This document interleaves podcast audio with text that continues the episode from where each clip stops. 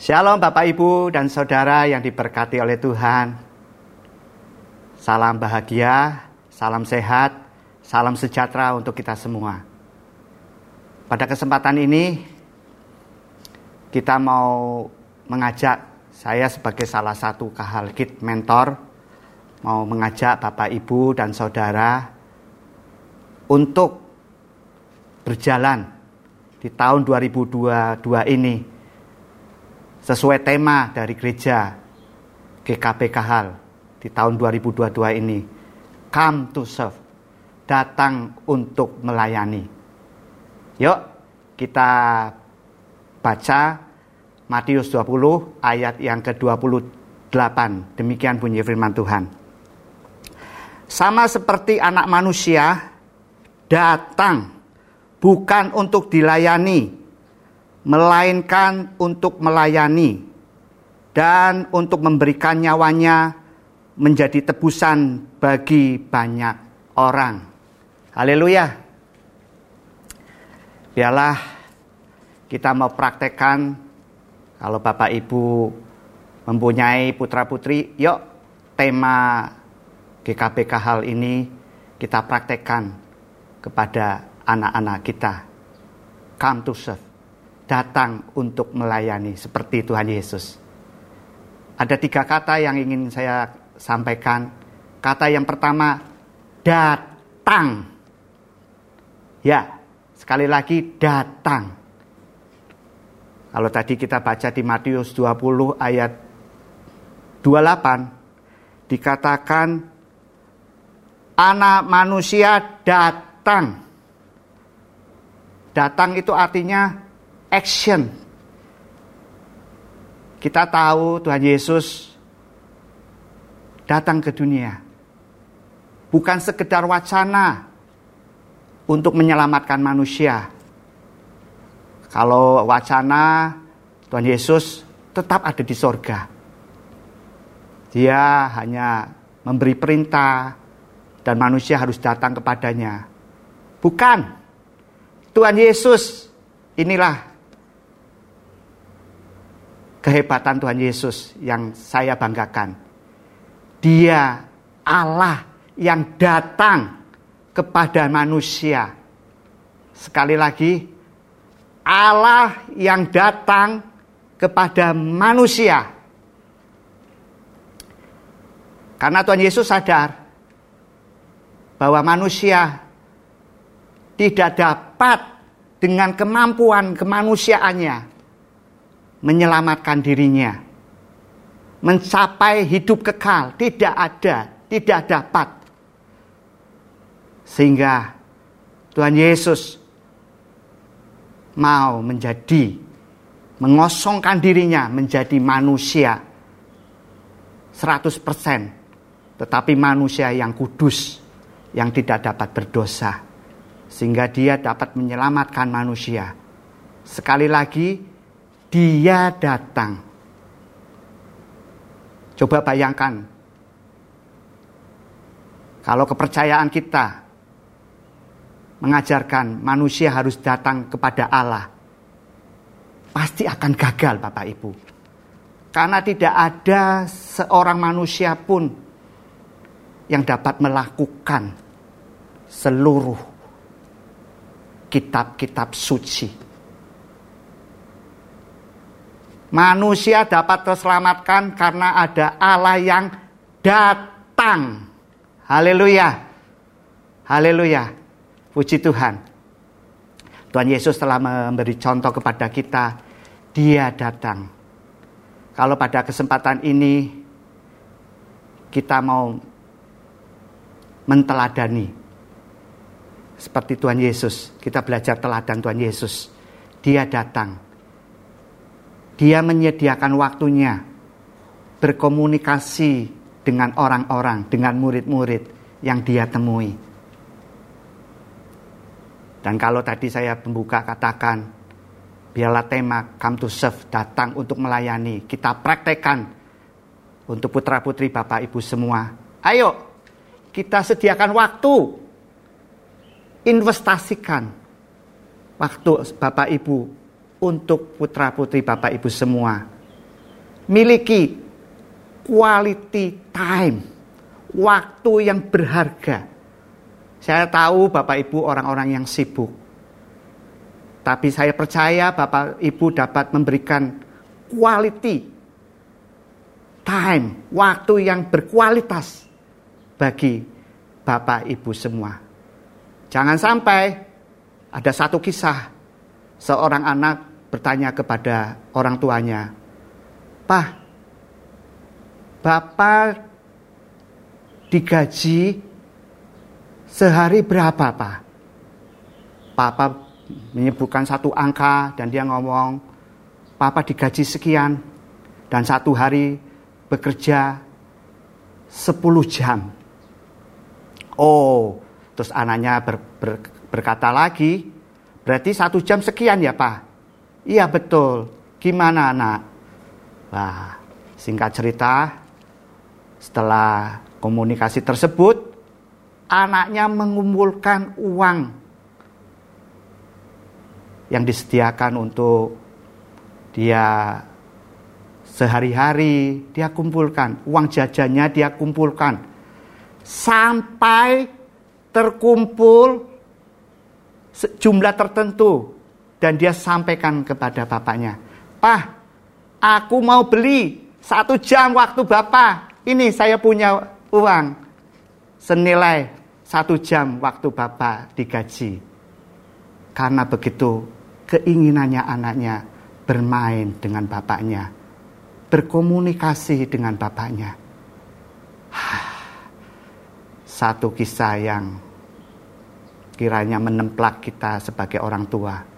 Kalau kita tidak menyediakan waktu, betapa anak-anak kita ingin sekali bermain bersama kita, berkomunikasi dengan kita. Yuk, kita datang, kita hadir, kita ada untuk putra-putri Bapak Ibu semua. biarlah seberapapun, sesibuk apa pun, kita memiliki waktu yang berkualitas bagi putra putri Bapak Ibu semua. Haleluya. Ini poin yang pertama. Kita mesti datang. Kata yang kedua yang dahsyat juga yaitu melayani. Kata yang pertama tadi datang itu perlu dilakukan. Kalau itu tidak dilakukan, maka kata yang kedua pun tidak akan terjadi Bapak Ibu. Kalau Bapak Ibu tidak datang, Tuhan Yesus tidak datang ke dunia, dia tidak dapat melayani, tidak dapat menjadi tebusan. Demikian juga kita mau belajar hal ini.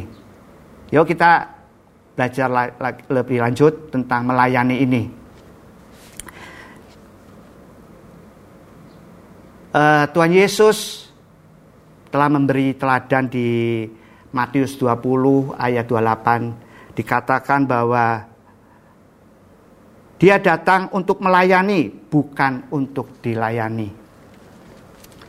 Saya yakin Bapak Ibu telah melayani putra, putri, Bapak Ibu semua melayani jasmani. Betul kan? memberi makan. Terus apa lagi ya? Ya perkara-perkara jasmani. Tapi kali ini saya mau mengingatkan, ayo kita melangkah melayani rohani putra-putri Bapak Ibu semua. Melayani perkara-perkara rohani untuk putra-putri Bapak Ibu semua. Dan saya mau katakan, pengajar rohani terbaik bagi putra-putri Bapak Ibu sekalian adalah Bapak Ibu sendiri. Haleluya. Yuk kita baca amanat agung Tuhan Yesus yang terambil di Matius 28 ayat 19 sampai 20. Demikian bunyi firman Tuhan. Karena itu pergilah, jadikanlah semua bangsa muridku, dan baptiskanlah mereka dalam nama Bapa dan Anak dan Roh Kudus. Ayat 20. Dan ajarkanlah mereka melakukan segala sesuatu yang telah kuperintahkan kepadamu. Dan ketahuilah, aku menyertai kamu senantiasa sampai akhir zaman. Memang amanat agung ini diperintahkan gereja untuk gereja oleh Tuhan untuk memberitakan Injil ke segala makhluk. Namun kali ini saya ingin berbicara sebagai orang tua. Ayo kita praktekkan dalam lingkup yang kecil. Beritakan Injil kepada putra, putri, bapak, ibu semua. Apa yang Tuhan maui? Tuhan katakan supaya anak-anak kita itu menjadi murid Tuhan. Ajalah mereka, ajalah putra-putri bapak ibu semua melakukan segala sesuatu yang kuperintahkan kepadamu di ayat 19, jadikanlah semua bangsa, lingkup yang kecil lagi, putra-putri bapak ibu semua menjadi murid-murid Tuhan Yesus. Haleluya. Kalau kita bisa melayani di luar keluarga kita itu dahsyat. Tapi jangan sampai kita melupakan melayani rohani putra putri bapak ibu semua. Jangan sampai putra putri bapak ibu semua tidak menjadi murid-murid Tuhan Yesus. Yang kedua Tuhan katakan tadi di ayat 20 ya. Melakukan segala sesuatu yang kuperintahkan kepadamu. Jadi benar-benar ajarkan menjadi murid dan benar-benar hidup putra-putri kita semua hidup baru di dalam Kristus. Dan yang ketiga, anak-anak kita itu hidup dalam ketaatan, melakukan segala yang Tuhan perintahkan kepada kita. Haleluya. Biarlah poin dua ini kita mau praktekkan, bukan sekedar dengar tapi kita mau melayani kerohanian putra-putri yang sudah Tuhan percayakan kepada ketiga ke, kepada kita. Yang ketiga, kata yang dahsyat juga Tuhan katakan kata bukan. Sekali lagi kita baca tadi di Matius 20 ayat yang ke-28 sama seperti anak manusia datang bukan. Artinya apa? Tuhan Yesus sedang membalikan nilai-nilai dunia yang bertentangan dengan nilai-nilai kerajaan Allah.